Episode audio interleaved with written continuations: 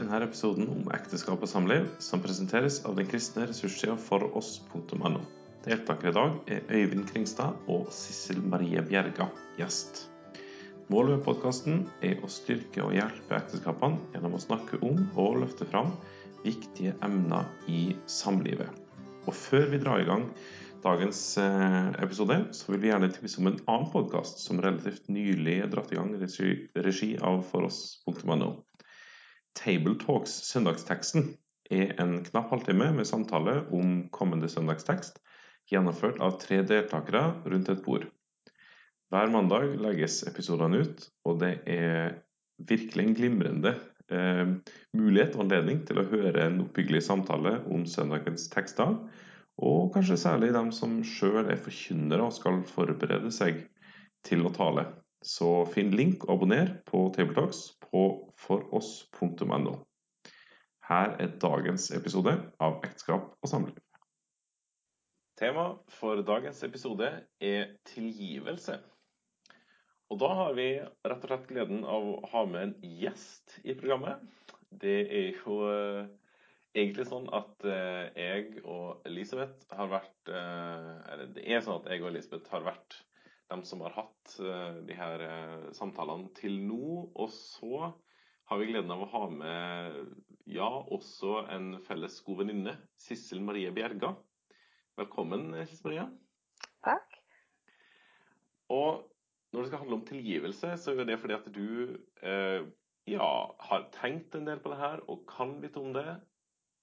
Nå prøver jeg bare liksom å presentere deg litt først her, fordi at du har faktisk studiepoeng i det òg, stemmer ikke det? Jeg har iallfall 60 eh, studiepoeng i kristen sjelesorg, og der hadde vi jo dette som et av emnene, dette med tilgivelse. Ja. Nå så jobber du som eh, daglig leder på Utsyn misjonssenter. Mm. Og har tidligere vært eh, i en årrekke på Hval videregående skole. Stemmer. Ja.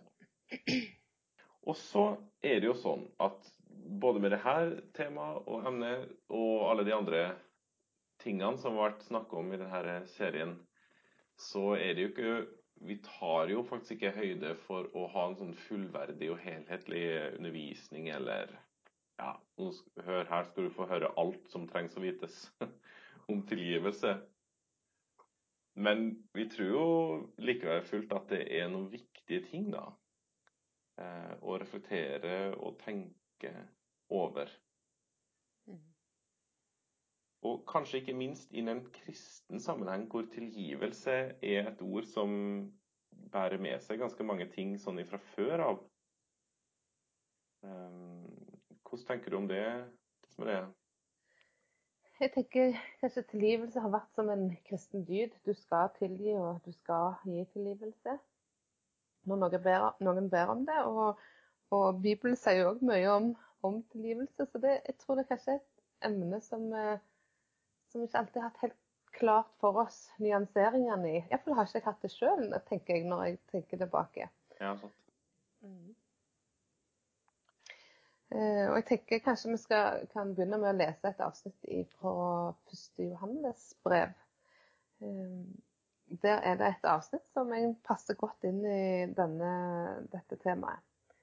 Så da leser jeg fra 1. Johannes brev kapittel 1 og fra vers 5. Dette er budskapet vi har hørt av ham og forkynner for dere. Gud er lys, og det finnes ikke mørke i ham. Sier vi at vi har fellesskap med ham, men vandrer i mørket, da lyver vi og følger ikke sannheten. Men dersom vi vandrer i lyset slik han selv er i lyset, da har vi fellesskap med hverandre, og blodet fra Jesus, hans sønn, renser oss fra all synd. Sier vi at vi ikke har synd, da bedrar vi oss selv, og sannheten er ikke i oss. Men dersom vi bekjenner våre synder, er han, er han trofast og rettferdig, så han tilgir oss syndene og renser oss for all urett. Sier vi at vi ikke har syndet, gjør vi ham til en løgner, og hans ord er ikke i oss. Mine barn, dette skriver jeg til dere for at dere ikke skal synde. Men om noen synder, har vi en talsmann hos Far, Jesus Kristus, den rettferdige. Han er en soning for våre synder, ja, ikke bare for våre, men for hele verdens. Mm. Og det tenker jeg er et avsnitt som vi må ha med oss her. Det handler om å leve i lyset, og handler om å, en åpen bekjennelse. Eh, og et, et, en, ans, en, som tar ansvar for, for det en har gjort, og sitt, ja, ta sitt ansvar. Mm. Ja, og vi kommer jo litt tilbake til det der seinere, håper jeg, med forholdet til Gud oppi det hele. Også når vi skal snakke om våre mellommenneskelige forhold og, og, hvordan vi ja, praktiserer tilgivelsen. Men, men for da. Hva er egentlig tilgivelse? Ja, tilgivelse er kanskje to ting. Det ene, det er to sider av tilgivelsen. Den ene å å be om tilgivelse, og være den som tar ansvar og ordner opp. Mm. Og så er det den sida der du gir tilgivelse. Og når vi sier, uh, snakker om ordet tilgivelse, så har jeg iallfall sjøl tenkt Jenny har ikke alltid nyansert om det er å gi eller om å, å be om. Uh, og snakka litt om de samme i den samme, bare brukt samme ord om begge deler. Mm. Eh, så jeg tror her har vi blanda litt mange. Og kanskje har det blitt sånn at eh, noen har sluppet unna med at den som har blitt krenka eller såra, har tatt ansvar for en del som en ikke hadde ansvar for. Eh, og kanskje at den som har tatt ansvar for det som ikke var sitt, har, har gjort det kanskje i litt frykt eller uro for at ting ikke skulle bli godt igjen. Også en quick fix måte å ordne opp. Så jeg tenker Eh, en hovedregel det må være at, eh, at en alltid skal be om tilgivelse når jeg har gjort noe synda mot et annet menneske, krenke eller såre andre. For det er mitt ansvar. Og så er det et spørsmål om en alltid har skal gi tilgivelse. Ja. Og det må vi komme litt tilbake til. ja, for det, det er jo dype ting, det her. Tilgivelse På en måte så så låser vi det kanskje litt hvis vi snakker om det, men egentlig så handler det om hvordan vi forholder oss til de tingene som ikke går bra, på en måte. Altså ja, hvordan vi, hvordan vi tar tak i forholde oss til ting som blir gjort mot oss, og hvordan vi forholder oss til ting som vi gjør mot andre, eller hvordan vi virker på andre. Og hvordan ordner vi opp i det. Jeg syns det, kan være litt skremmende og kanskje òg litt fascinerende å se at det er så vanskelig å, å ordne opp og ydmyke seg og, og, ta tak i det som er vanskelig. At det, det, er lettere å gå et steg opp i en konflikttrapp, og at det, konflikten blir verre, eller uenigheten blir verre, enn å gå ned og ta ansvar og ydmyke seg og innrømme både feil og sinne og oppgitthet over den andre. Det er vanskeligere enn å, enn å ordne opp. Og det syns jeg eh, det er både skremmende og fascinerende. Og jeg tenker jo at når jeg tenker tilbake på, på barndom og eh, ungdomstid og sånn, så var det mye enklere å gå ut av rommet og slenge med døra.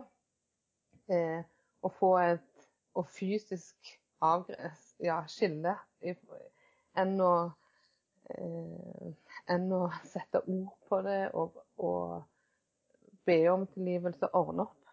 Mm. Eh, så, så, gikk det litt tid, og så, så knirka vi oss litt sammen igjen. Og så var vi kanskje litt mer observante på den andre sine følelser da enn hva vi var i forkant. Eh, og så knirka det seg litt til, og så ble det liksom greit. Og en hadde en stilltiende måte å ordne opp på som kanskje ikke er så eh, er kanskje ikke et så lurt, lur måte å mestre det på. Mm. Eh, å ordne opp på det. Mm. Og jeg tenker jo at når, når, det som, når en snakker om tilgivelse, så må en Det er jo knytta så til kanskje til såra følelser.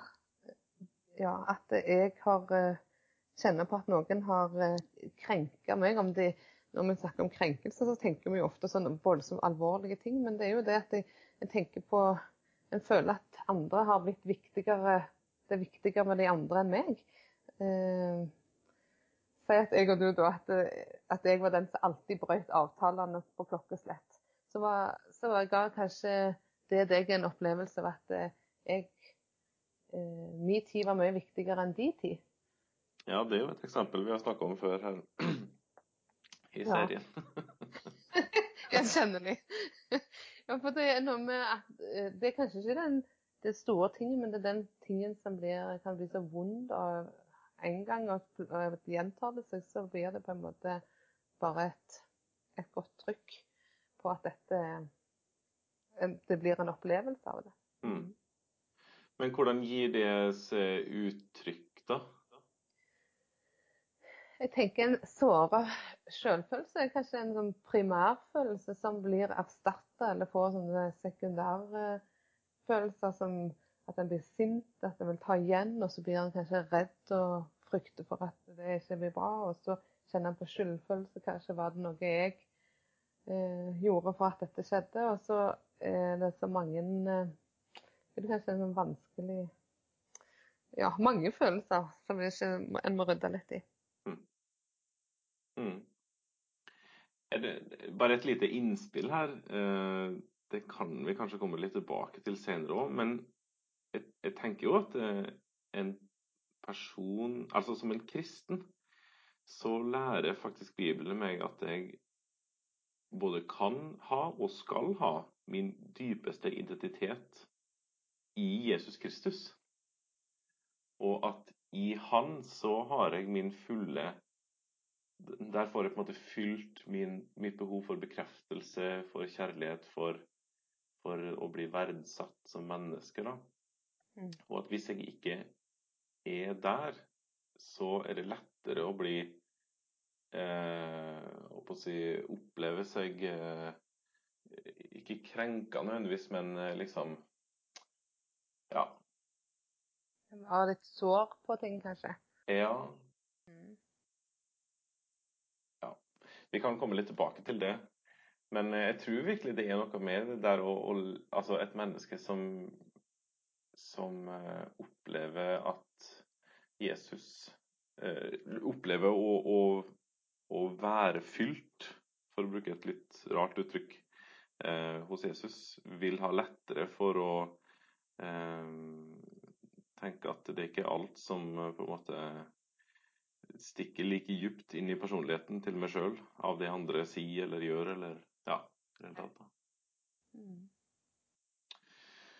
Um, men du nevnte det med hvordan det gir seg utslag. Uh, At en tar igjen frykt og sånn. Hvordan uh, Kan du si litt mer om det? Jeg tenker på en, jeg hørte en beskrivelse der de sammenligner oss med to dyreslag, faktisk. Hvordan vi som mennesker er i måten vi tar ting opp og ja. Da sammenligner oss med enten at vi kanskje var litt sånn neshornaktige.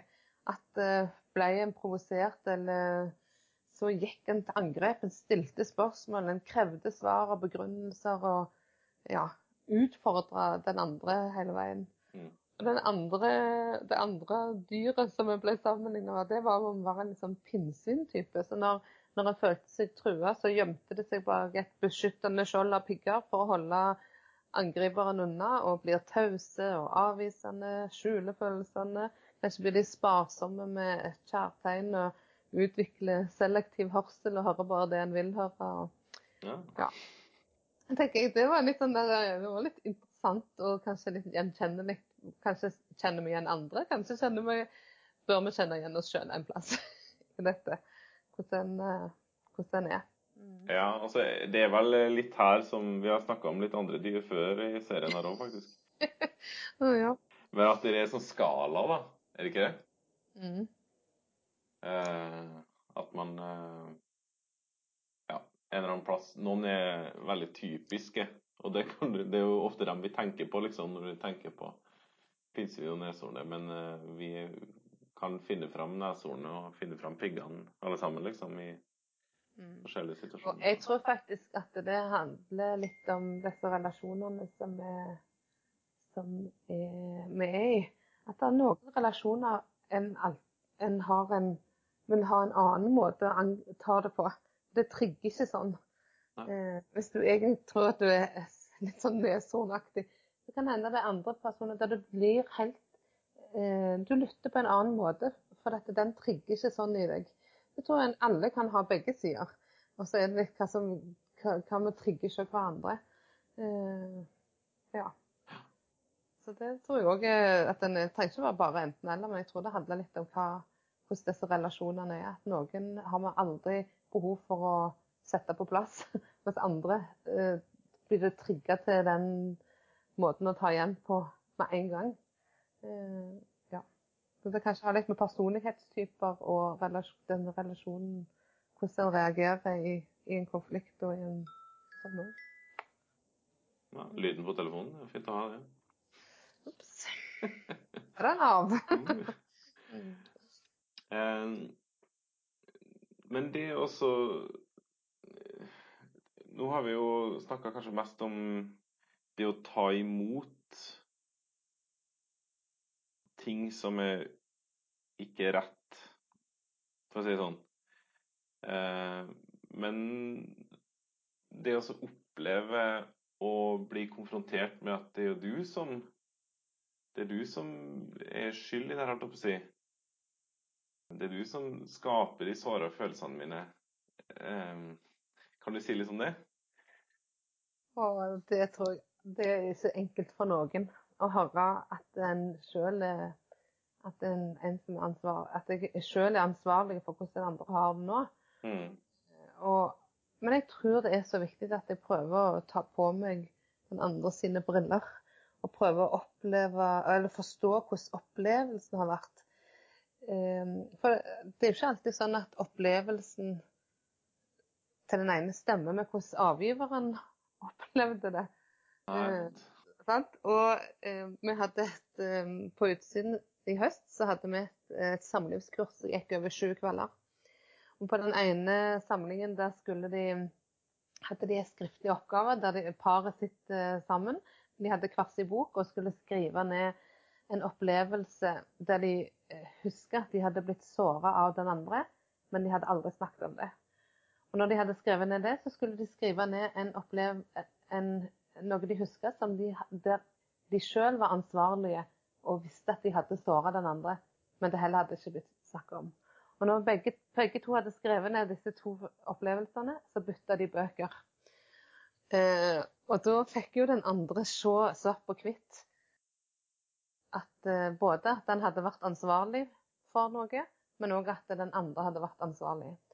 Og når de hadde bytta bøker, så skulle en eh, fått, gjenfortelle dette her. Men da, den som hadde ordet, den eh, skulle fortelle sin opplevelse av når den hadde blitt såra av den andre. Og så skulle den andre bare lytte, og han kunne bekrefte eh, følelsen. Ikke forklare hvorfor det skjedde, eller begrunne, eller det var jo ikke løye det ble sånn og du gjorde sånn. Eh, men han skulle bekrefte at når når du forteller dette nå, så skjønner jeg at du følte deg tråkka på, at du syntes dette var vondt. Eh, og det ble en sånn der skikkelig sånn der eh, vekker, tror jeg, både for de, men jeg, jeg som satt og, og, var med og eh, mer og deltok på som foreleser sånn, hvordan dette her, hvor det å sette ord på dette her, hvor vanskelig det er, men hvor eh, helbredende en sånn en, så, noe sånt kan være. Mm. Vi har liksom litt sånn destruktive måter. Når vi, når vi ikke bruker ord, så bruker vi vi kroppsspråk og avvisning og, eh, som gjør, forsterker en del ting. Men å, å, sette ord på det og lære seg å lytte til og bekrefte og forstå og gjøre et forsøk på å forstå den andre sin følelse, det tror jeg er så avgjørende for hvordan en opplever at det, en, det blir tatt på alvor, og at en virkelig forstår. Og det er et grunnlag til at tilgivelsen kan skje. Men da er du jo inne på noe som vi for så vidt eh, Det har vi faktisk snakka litt om før også, med det med å lytte og empati og forstå den andre sida og sånne ting. Og da er man jo ganske aktiv sjøl.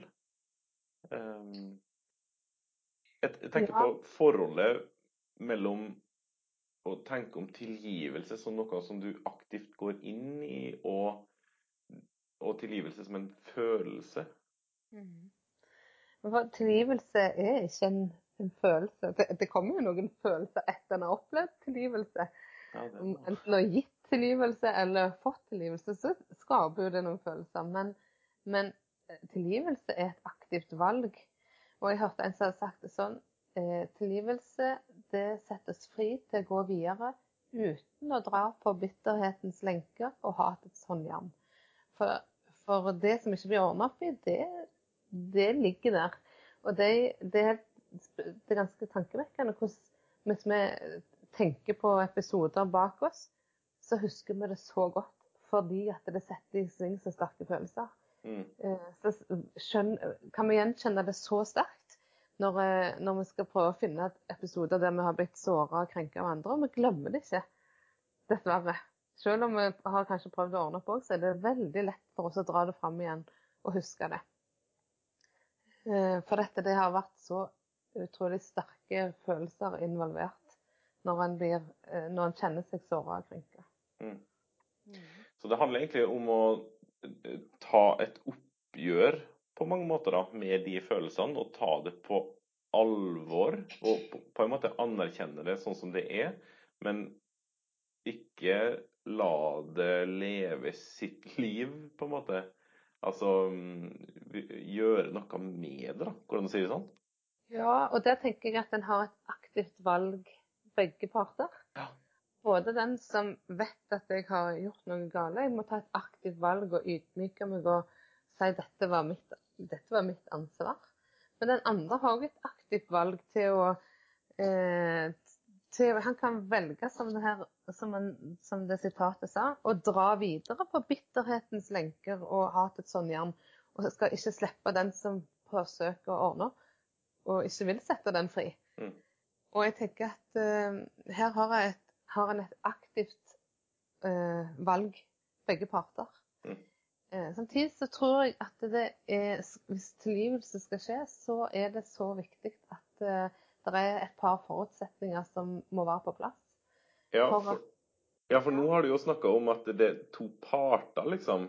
Er ikke det noe greier der som er litt viktig å få på plass? Altså, det skjer jo noe mellom eh, to stykk, eller flere stykk, når, det, når noe blir vondt. Mm. Eh, men det betyr jo ikke at det er to parter som er like stort ansvar i det. Og jeg tenker eh, Hvis jeg har gjort et, noe gale mot et annet menneske, synda mot et annet menneske, krenka eh, et annet menneske, så er det mitt ansvar, og det må skje en ansvarsplassering. Det er ikke sånn at da er det delt skyld. Eh, da, da må jeg ta mitt, ta mitt ansvar.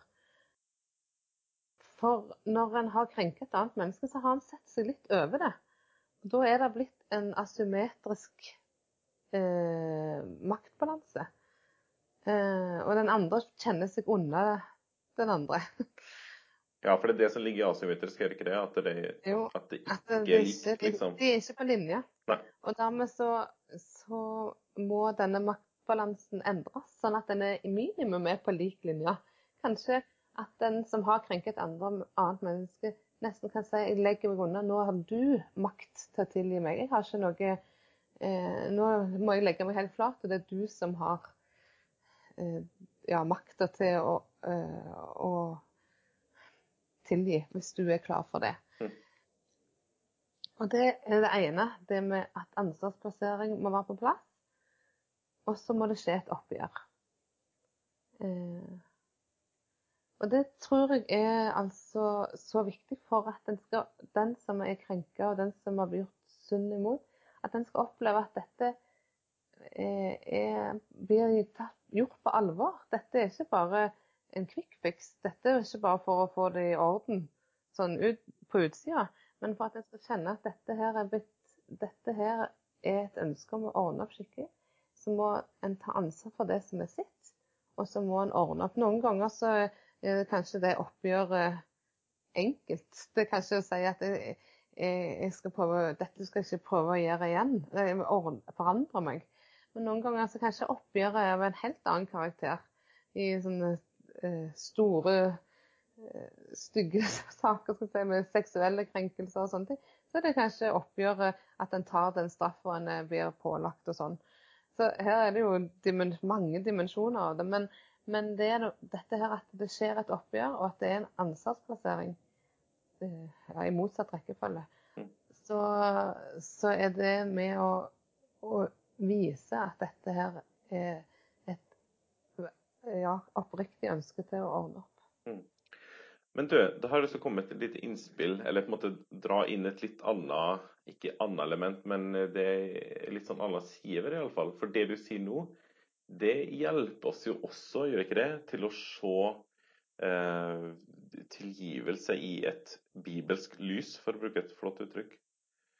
Ja, jeg tenker vi kan se på Jesus, og så kan vi se uh, at ansvaret for vår skyld som egentlig skulle være lagt på meg, for det var mitt ansvar. Ansvaret det ble lagt på Jesus. Eh, Bibelen sier at han ble gjort til en masse av synd. Altså han ble en klump av synd, hele Jesus. Eh, og så tok han altså oppgjøret som, som, Gud krevde for at mennesker skulle kunne bli forlikt med Gud. Og sånn gjorde Jesus det som krevdes, både at han tok ansvaret og han tok oppgjøret. Og sånn kan vi motta tilgivelsen. Og det blir jo et veldig eh, sterkt bilde på hvor, hvor ufortjent frelsen er og tilgivelsen er, når du vet at ansvaret var jo mitt, og så bytter Jesus, da. Han sier at han, han tar ansvar for dette. Han vet at jeg kan ikke ordne opp min sak, men han er i en posisjon som han kan, for han er sann Gud og sant menneske. Mm. Mm. Du, Eh, her, vi skjønner jo når vi snakker om det, at det er mange ting, og det er store ting. Og det er litt sånn derre Ja, det er forskjellig i hvilken grad vi har sjølinnsikt på det her, sant, og, og sånne ting. Men, men, eh, er det noen ting som man likevel kan gjøre, for å si det sånn, for å på en måte legge til rette for et oppgjort forhold og tilgivelse? Jeg tenker jo at hvis mitt, mitt, hovedfokus er at jeg skal ta ansvar for det som er mitt, eh, og ikke ordne opp i det som ikke er mitt, at jeg ikke tar ansvar for det som ikke er mitt, mm. Eh, det er litt viktig. For Jeg tror ikke det er noe eh, godt å Jeg tror ikke det er noe rett å gi tilgivelse for noe som ikke var ordnet opp i, der ansvaret ikke var plassert. eller der en person sier det var mitt ansvar, men jeg ønsker ikke å forandre meg, jeg ønsker ikke å ta oppgjøret som kreves. Da er det ikke så godt å gi tilgivelse til en, en person som agerer sånn. Mm. Eh, men så tenker jeg at, eh, at det er jo eh, Det er en bok som heter 'Tilgivelsens fem språk'. Den gir oss noen sånn nyttige nyanser, tenker jeg, på, på hvordan Eh, hvordan jeg kan øve meg på å ordne opp.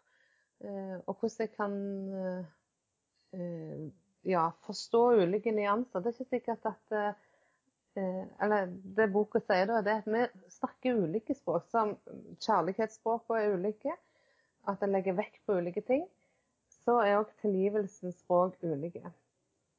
Og der er det første språket det er å beklage og si jeg er lei for det som skjedde. Altså skjønne, gi bekrefte at jeg skjønner at det jeg har gjort, det har såra deg.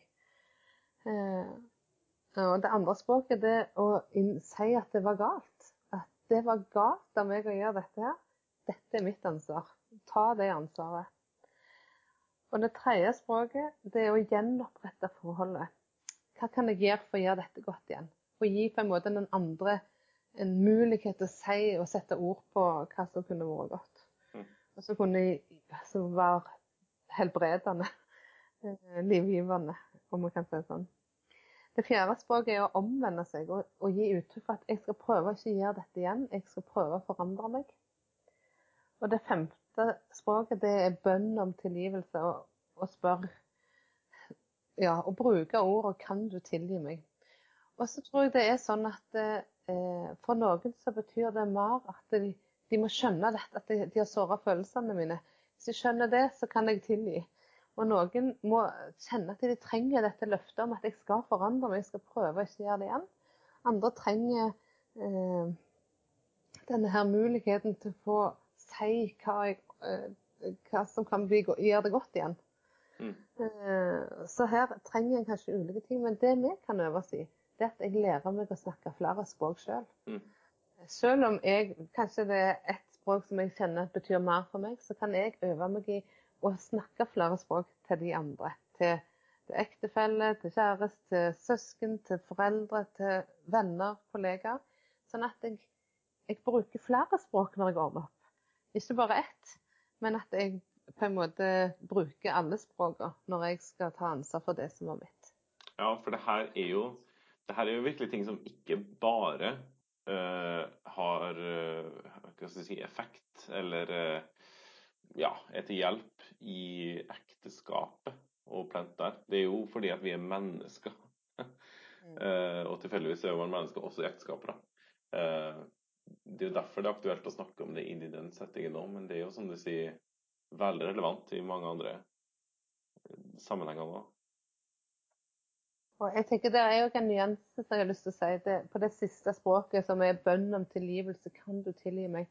Kanskje så skal en ordlegge seg litt annerledes, har jeg tenkt. For i det jeg sier 'kan du tilgi meg', og hvis du kjenner at 'nei, det er jeg ikke klar for, dette må jeg ha litt tid på', så legger jeg på en måte litt ansvar på deg som du må på en måte eh, bære. Ikke ansvar for det som skjedde, men at du, du, ikke, du kan ikke tilgi engang. At du må bære et, sånn, et negativt en sånn belastning der, et negativt trykk der. Så kanskje en kan si jeg har behov for å be om tilgivelse. Da er det ditt ansvar, og jeg legger, sier det. Jeg, jeg, trenger å be om tilgivelse. Og så blir det den andres når du er klar. eh, så har liksom den andre ikke det, der, det ansvaret hengende over seg at ja, men jeg klarer det ikke nå, så blir jeg pressa til å ta, ta, stilling til det nå. Men da vet en at den andre, eh, den som har ansvaret her, den, den har behov for å ordne opp. Og det er, viktig, det, er det som er viktig at kommer fram. Og, ja, for det, da har jeg lyst til å legge det til litt ting. Det slo meg når du leste gjennom de her fem språkene nå, at det som går igjen i det, og det som er som en slags sånn tone, da, det er jo nettopp det herre eh, Et uttrykk for og et ønske om å eh, balansere det asymmetriske forholdet. Mm. Altså å løfte den andre da, eh, opp, sånn at vi kan være like igjen. Mm. Eller, ja. eller om mulig kanskje løfte enda høyere opp. Men, men, det gjør du jo faktisk ikke. Altså, hvis, du, hvis du sier 'kan du tilgi meg', så, så ligger fortsatt si, Da er det fortsatt jeg som er høyest, om du vil. Er ikke rett å si det? Jo, det, det var Ja, enig. Det var en god nyansering. Så det høres ut som at det er rett. Sant? Mm. Jeg ber jo om mm. tilgivelse. Men saken er at jeg eh, opprettholder posisjonen min i maktforholdet. Og mm. da er det ikke tilgivelse vi snakker om lenger, faktisk. Mm. Mm, det er sant. Jeg tenker iallfall at kan vi, kan vi bruke flere språk? Kan jeg, kan jeg, på en måte si at dette, det er min feil? Kan jeg, hvordan kan jeg gjøre det godt igjen? Eh, kan jeg bruke liksom, i, i, et oppgjør kan jeg bruke flere av disse ordene, skulle jeg si, og flere av disse språkene? så er det større sjanse for at den du prøver å ordne opp med, eh, kjenner at dette var, dette var ekte. Dette var, dette har en, den har virkelig skjønt hva han gjorde mot meg. Mm. Mm. Og tenker, når, når, vi tenker på dette, så tenker jeg på, en, eh, på filmen 'Fireproof', som er jo en veldig sterk eh, eh, Som beskriver dette så godt for oss når eh, episoden når eh, Caleb, som en av hovedpersonene, går tur med faren i parken. Og så kommer de til en, ja, et samlingssted i parken der med et kors i midten. Og faren spør hva er det med, med kona som er så fælt. Liksom, kan du beskrive det? Nei, hun forstår meg ikke. Hun, uh, hun respekterer meg ikke. Hun, alt er gale. Uh, og så spør han ja, har hun takka deg for noe du har gjort de siste 20 dagene. Nei, det er akkurat det hun ikke har gjort. Sant? Det er ingen respekt, ingen takknemlighet. Hun lar meg føle meg som jeg ikke hører hjemme her i huset. Mm. Og hvordan skal jeg klare å elske en person som avviser meg så konstant? Hver gang. Og mens han her blåser ut av seg all denne frustrasjonen, så flytter faren på seg, og så stiller han seg opp med korset i ringen her. Og så sier han bare det er et godt spørsmål. Og da blir på en måte hele Ser du at han her, Caleb, han får, han får en speilbilde inn i eget liv. Eh, hvordan kan en klare å vise kjærlighet igjen og igjen når en konstant blir avvist? Og så er det på en måte Plutselig så, er det ikke kona det er snakk om, det er hvordan Caleb avviser Jesus. Eh, og hvordan skal du, hvordan kan du tro eh, at, eh, at Jesus kan elske igjen og igjen når du bare avviser kontant? Men han gjør det. Og det var det hvordan faren underviser han og veileder han og gir, ja, med å gir han, følge han til Jesus og formidle at Gud han elsker selv om du ikke fortjener det. Og det det vi så på når vi snakket om dette med ansvarsplassering òg. At Jesus han, han, han, tok ansvaret vårt. Helt ufortjent så går han inn i en rolle og i den posisjonen han, den eneste posisjonen som han er den eneste som kan fylle. Mm. Eh, og tar eh, vårt ansvar. Eh, og vi fortjener det ikke. Og så eh, så tar altså Jesus både ansvaret og konsekvensen, oppgjøret. Og så dør han for oss fordi at han elsker oss. Mm. Og da, når han her, Caleb, hovedpersonen, får se dette, så, så, eh, så skjønner han jo at han har jo ikke elska kona si sånn som han skulle. Det var dette, når han skjønner at han elsker på tross av og på Ikke på grunn av alle det, altså sånn hun er, men eh, på tross av, og selv om det er ufortjent så mange ganger, fordi Jesus elsker han sånn. Det er ganske sterkt å se når det går opp i hans liv der. Mm. At han, når faren stiller, ser du at du trenger han, Jesus? Ser du at du trenger Jesus? Ser du at du trenger hans tilgivelse? Da har på en måte, og han svarer ja på det, så har han sett det at eh, her er det noe med identiteten som en virkelig Den blir så sterk. At det, det, Jesus har Når vi har fått tak i det, så kan vi òg prøve å være med å gi det videre. I det både den ene og den andre relasjonen med. Ja, for det er et spørsmål som jeg har tenkt på å stille, og delvis så svarte du på det nå da. Fordi at en kan jo kjenne på det noen gang eh, Altså opplevelsen av situasjonen er sånn at jeg har ingenting å be om tilgivelse for, det er kun den andre. Mm. Mens, og det var jo akkurat det Caleb tenkte, var det ikke det?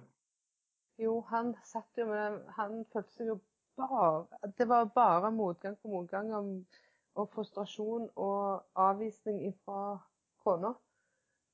Og så så han på en måte ikke at han hadde behov for å ordne opp sjøl. Eh, men han, når vi ser filmen videre, så ser vi jo hvordan han tar, eh, tar grep på grep for å overbevise om at han vil berge ekteskapet og vil berge den relasjonen de har. Mm. Eh. Den filmen vil vi jo anbefale sånn på generelt grunnlag å se uansett. Mm, veldig flott film. Altså. Fireproof heter den.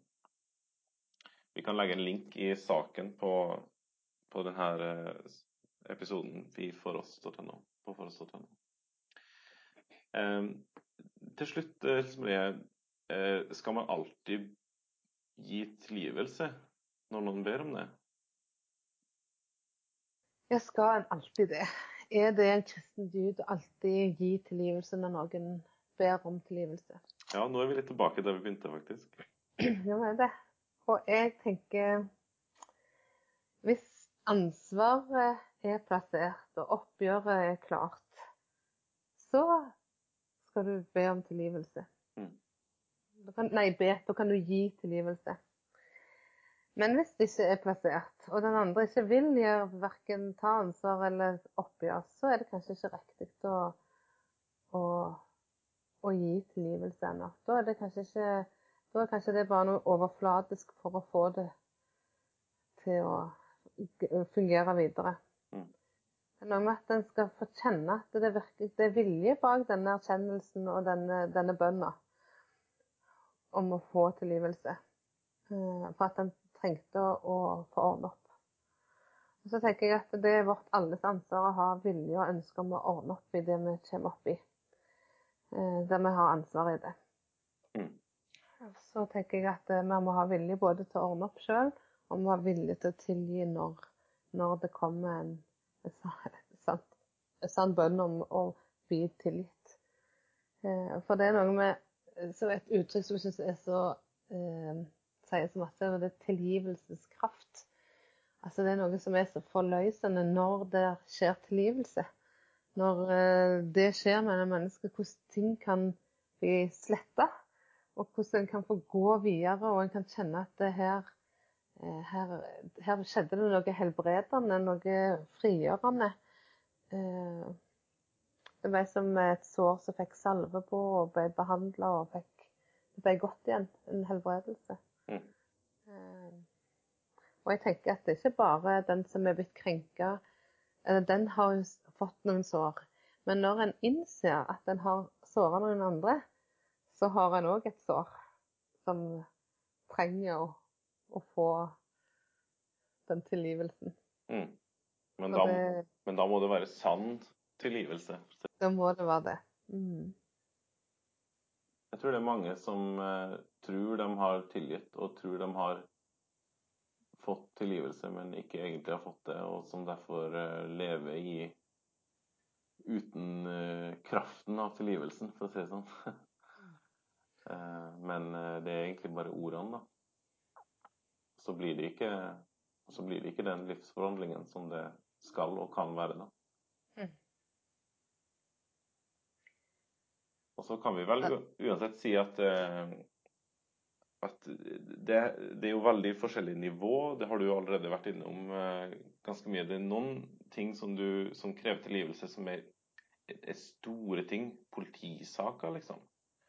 Eh, og så er det jo de fleste av dem er jo sånn hverdagslige ting. Ting som vi gjør mot hverandre og, og ikke gjør mot hverandre. Mm. Eh, men uansett så er jo det er jo det det er jo det vi holder på med når vi har den podkastserien her òg, at eh, vi må hjelpe hverandre til å snakke om det, sette ord på det, få et språk på det. Eh, snakk med en sjelsørger, en kristen leder, eller kanskje det er noen i helsevesenet i kommunen rett og slett, som man kan få hjelp av òg. Eh, ja. Gode venner samtale om de her tingene på en god og fortrolig måte, sånn at vi kan leve godt med hverandre, altså. Mm. Jeg tror at eh, å øve seg i å snakke om disse tingene som er vanskelige, er òg en utrustning til at en kan være til hjelp for andre òg. For at en kan få lov til å være litt ærlig og åpen på hvordan livet har vært for en sjøl. Det kan være med å åpne opp til at eh, andre kan få hjelp eh, til å våge å snakke om og, og, våge å åpne opp og våge å ta noen eh, eh, ja, verktøy i bruk for å kanskje få det bedre sammen. Mm. Så jeg tenker det er en utrustning for oss alle å øve oss i å sette ord på ting og eh, sette ord på egne grenser og følelser. Det eh, jeg leser et utsnitt av ei bok, 'The Five Regrets of the Dying'. Og det ene av disse store angrene, eller det som en angrer på når en flest angrer på når de ligger på slutten av livet, det var, en av de tingene var at jeg ikke hadde mot til å sette ord på egne grenser og følelser. Eh, og det er kanskje litt når vi snakker om tilgivelse, så er det kanskje en del ting som vi har liksom eh, vært passere. Men som vi har hatt båret med oss allikevel, for det skapte noen sår og noen ja, vonde, vonde ting.